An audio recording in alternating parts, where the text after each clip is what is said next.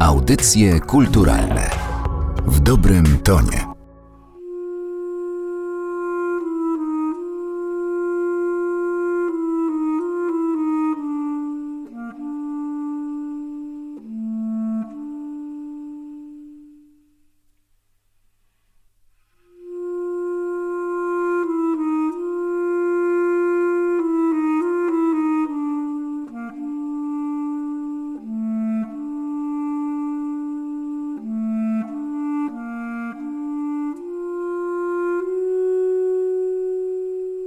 Przy mikrofonie Katarzyna Oklińska. Dzień dobry Państwu. Spotykamy się dziś w dniu rocznicy śmierci Krzysztofa Pendereckiego, aby oczywiście przypomnieć kompozytora, ale również porozmawiać o mało znanej twórczości tego muzyka.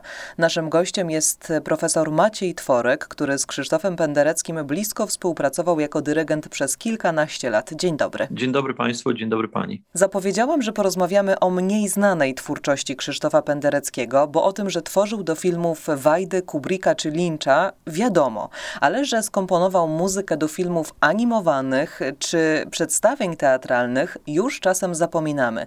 Z pomocą przyszło nam Krakowskie Forum Kultury, instytucja kultury miasta Krakowa, które stworzyło projekt Muzyczny Ślad Krakowa, dofinansowany ze środków Narodowego Centrum Kultury w ramach programu Kultura w sieci.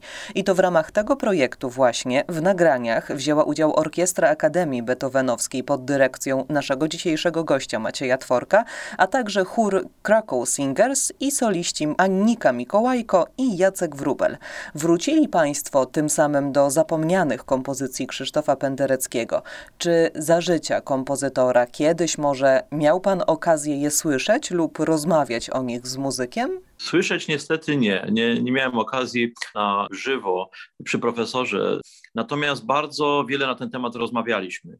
To znaczy, oczywiście było to zwykle przy okazji rozmowy o muzyce, która została wykorzystana do filmów Andrzeja Wajdy czy Stanleya Kubricka. No, zawsze on mówił wtedy, że początek jego kariery kompozytorskiej wokół tego typu twórczości się, czyli twórczości do teatru się obracał. Natomiast zawsze wspominał, że większość tych kompozycji fizycznie przestała istnieć. To znaczy, partytury, które on pisał, oddawał do teatru, no i one gdzieś tam ginęły w archiwach że właściwie ich nie ma. Mówił, że trzeba się z tym pogodzić i że to były utwory wykorzystywane jednokrotnie albo podczas tam serii spektakli, natomiast muzyka sama nie była wykonywana i z wielkim bólem, ale się z tym godził, że rzeczywiście nie może do nich, do nich wrócić. Jak się okazało, zresztą później, i tu dzięki dociekliwości y, pana Andrzeja Kosowskiego, udało się wiele tych kompozycji odnaleźć. I tutaj właśnie też wielki ukłon w jego stronę, że się podjął tego wyzwania, bo na naprawdę efekty jego poszukiwań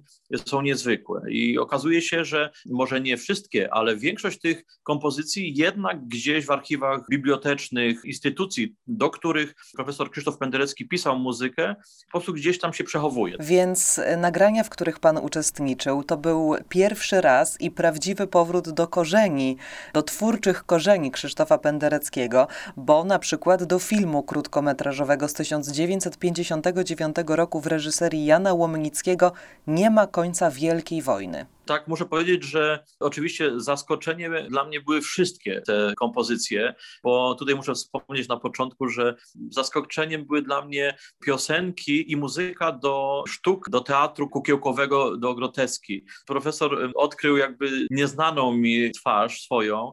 Te piosenki, ta muzyka jest zachwycająca. Ja myślę, że jeżeli ktoś sięgnie do, do tych nagrań, z trudem będzie, będzie, będzie mógł uwierzyć, że, że to jest Krzysztof Penderecki.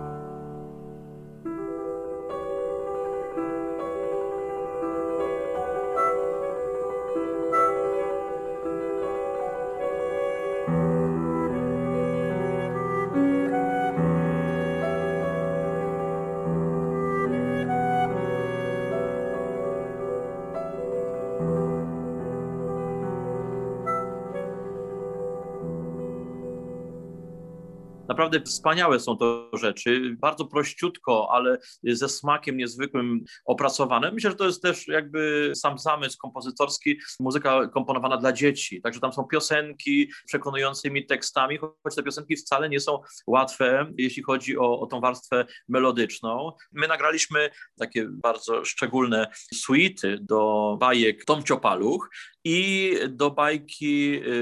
Przygody warszawskiego misia. Przygody warszawskiego misia.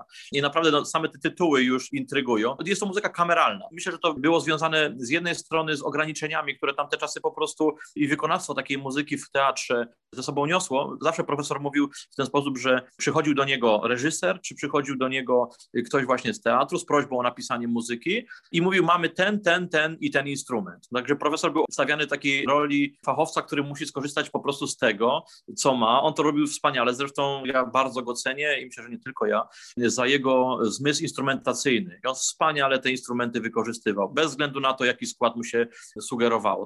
Natomiast wracając do filmu Nie ma końca Wielkiej Wojny, o tyle był to dla mnie zachwycający, mogę powiedzieć, utwór, bo jest to krótki film, kilkuminutowy i nie ma tam w ogóle żadnej ścieżki dźwiękowej w sensie dialogów, tekstów, jest tylko muzyka i obraz. I ta muzyka spełnia niezwykłą rolę, naprawdę jest, oddaje charakter obrazów w sposób dosadny. No nie ma się wątpliwości, że ta korelacja między treścią obrazu a muzyki no, jest przemyślana i no, z niezwykłym wyczuciem montowana. Ta muzyka zapowiada już nam rzeczywiście Pendereckiego, wielkiego kompozytora. Możemy tam odnaleźć jakieś fragmenty jego e, języka, którym posługuje się później w swoich wielkich dziełach oratoryjnych, symfonicznych.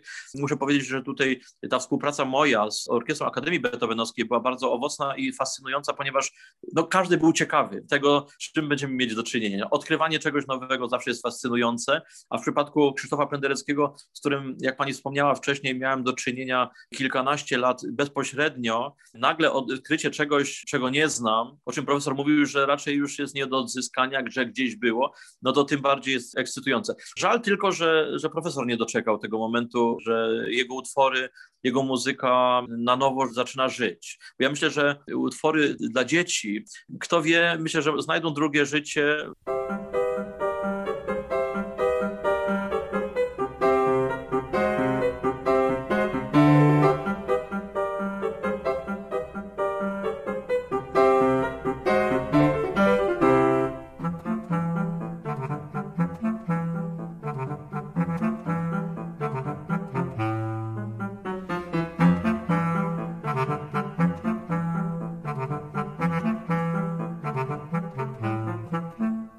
Dzięki tym nagraniom poznajemy dwa oblicza Krzysztofa Pendereckiego, bo zagrali Państwo ponownie muzykę do bardzo różnych przedstawień. Na przykład do Dziadów z Teatru imienia Juliusza Słowackiego w Krakowie w reżyserii Bogdana Korzeniewskiego z 1963 roku, czy do wspomnianych już przygód warszawskiego misia z Teatru Lalek Arlekin w Łodzi z 1958 roku w reżyserii Stanisława Ochmańskiego. To są przecież dwa różne światy. No gdzie dziady i gdzie przygody warszawskiego misia? No tak, to właśnie to zaskakujące było podczas tych nagrań, bo no, oczywiście ja miałem wcześniej partytury, mogłem zerknąć do tej muzyki troszeczkę wcześniej, w związku z czym plus minus wiedziałem czego się spodziewać. Natomiast y, dla osób, które z tą muzyką nie miały wcześniej do czynienia, było to totalne zaskoczenie, bo to rzeczywiście są dwa światy, ale myślę, że jak ktoś osobiście znał kompozytora, no ja miałem to szczęście, to może to zdziwienie jednak nie urastało do jakichś takich monstrualnych rozmiarów, bo jednak profesor był bardzo dowcipnym człowiekiem, kochał dzieci. Tutaj ta już legendarna jego miłość do, do wnuczki, myślę, że jest potwierdzeniem tego. Natomiast ja widziałem go wielokrotnie podczas naszych podróży różnych, widziałem ten jego stosunek do dzieci, jeżeli tylko gdzieś się pojawiły takie brzdące małe, on, on reagował, zaraz kończył rozmawiać, czy, czy zajmować się rzeczami, nazwijmy to w cudzysłowie zawodowymi, poważnymi, zaraz w kierunku dzieci się udawał. Natomiast sam język, sam język jest rzeczywiście zaskakujący, bo właśnie ten przygód y, warszawskiego misia, wspomniany wcześniej Tom Ciopalu, to są proste, prościutkie, kameralne suitki, bardzo piękne, wciągające. Oczywiście to są utwory programowe, pisane pod konkretne sceny. Natomiast dziady ta muzyka do dziadów wprowadza nas, może zaryzykuję tutaj, ale troszeczkę wprowadza nas już w atmosferę pasji, która powstała kilka lat później. Pasji według świętego Łukasza i naprawdę tam słyszy się już w tych pochodach interwałowych, w zestawieniach interwałów i w klasterowym niejednokrotnie traktowaniu materii dźwiękowej bądź w polifonii, która tam też już swoje miejsce znajduje. Polifonii, która była bardzo mocną stroną Krzysztofa Pendereckiego, kompozytora zresztą ja jestem zafascynowany tą częścią jego warsztatu.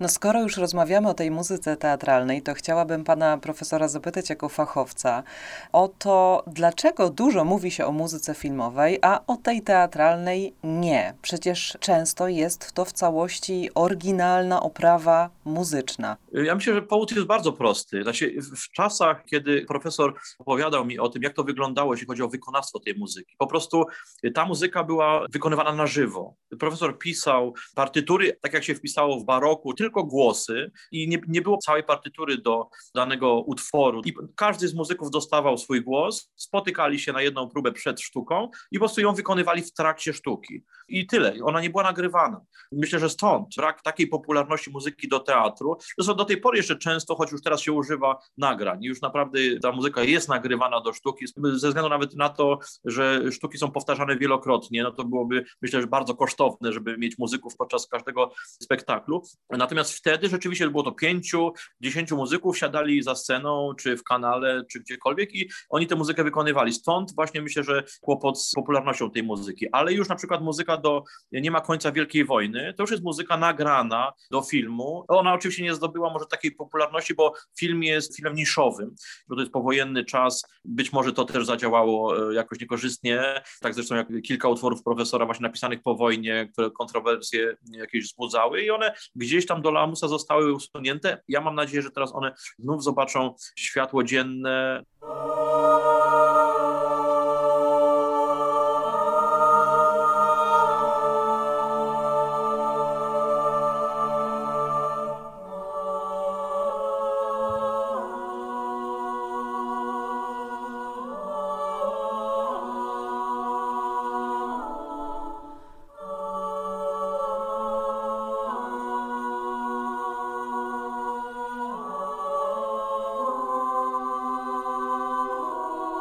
Warto w tym miejscu przypomnieć, że Krzysztof Penderecki zaczynał swoją karierę, późniejszą światową karierę, w studiu filmów rysunkowych w Bielsku Białej i był wtedy bardzo młodym kompozytorem. Miał 26 lat i było to w 1959 roku. Ten okres twórczości z pewnością wpłynął na niego i ukształtował muzyczną tożsamość, bo stworzył aż 20 opraw muzycznych, spektakli dramatycznych, 40 lalkowych i muzykę do co najmniej 11 15 filmów dokumentalnych i fabularnych, podkreślę oryginalną muzykę. Jak to wszystko wypada na tle późniejszych dzieł. Ja miałem okazję kilka filmów tych rysunkowych Krzysztofa Pendereckiego, znaczy muzyki, do tych filmów razem z obrazem obejrzeć, także to są wyrafinowane bardzo ścieżki dźwiękowe. To były filmy też artystyczne. To była muzyka, która była pisana do, do filmów artystycznych, między innymi różne krótkometrażowe filmy na podstawie historii pisanych przez Stanisława Lema. Pan profesor zaznaczał często po prostu w ten sposób zdobywał środki do, do utrzymania a wiemy, że do tej pory losy muzyków, kompozytorów nie są łatwe na początku. Przy kolejnych biografiach ten okres twórczości, tej wczesnej twórczości Krzysztofa Pendereckiego, właśnie, który ujmuje muzykę filmową i teatralną, myślę, że będzie zaprzątał bardziej głowy autorów tych biografii i zajmie troszeczkę więcej miejsca, bo myślę, że to jest bardzo wartościowy, cenny czas, jeśli chodzi o, o zapowiedź tego, co nas czeka w okresie późniejszym, bo zwykle się wspomina o utworach tych sonorystycznych, o polimorfii, o trenie, o fluorescencji, emanacjach, jako początku tej twórczej drogi Krzysztofa Pendereckiego, a myślę, że ten taki świat muzyki filmowej, teatralnej troszeczkę jest marginalizowany. Natomiast oczywiście nie było tak, że pan profesor poświęcił się pisaniu muzyki filmowej i teatralnej i nie robił nic więcej, czy jakby w stronę twórczości tej awangardowej swojej. To się działo równolegle. Natomiast rzeczywistość jego tak się, że się potoczyła, że w pewnym momencie mógł zrezygnować. Nawet chyba powiedział, że, że chciał zrezygnować z tego typu działań właśnie związanych z muzyką teatralno-filmową, bo to bardzo świat wciągający. Dodajmy, że utwory, o których rozmawiamy, są dostępne na kanale Krakowskiego Forum Kultury na YouTubie, a także na stronie muzycznyślad.pl.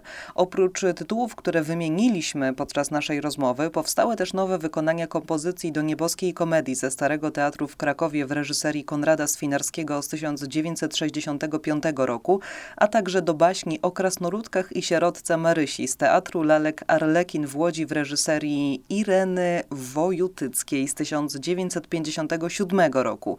Słuchać więc mogą zarówno dzieci, jak i dorośli. Projekt został dofinansowany ze środków Narodowego Centrum Kultury w ramach programu Kultura w sieci, a naszym gościem był profesor Maciej Tworek, pod którego batutą chór Krakow Singers ożywił zapomniane utwory. Panie profesorze, bardzo dziękuję za to spotkanie i za rozmowę. Ja również bardzo dziękuję i bardzo serdecznie zachęcam do sięgnięcia do tych nagrań, żeby odkryć nowe oblicze Krzysztofa Pendereckiego. Może nie nowe, ale dla wielu będzie to odkrycie. Bardzo Pani dziękuję za zaproszenie o tych zapomnianych utworach tego kompozytora. Szczególnie w tym czasie e, trzeba mówić wiele i ja mam w ogóle nadzieję, że ukaże się to nagranie w formie płytowej w przyszłości i będzie do niego również w tej formie można sięgnąć. Bardzo serdecznie dziękuję, wszystkich serdecznie pozdrawiam, dużo życzę zdrowia w tym, w tym niełatwym dla nas wszystkich czasie i, i do usłyszenia.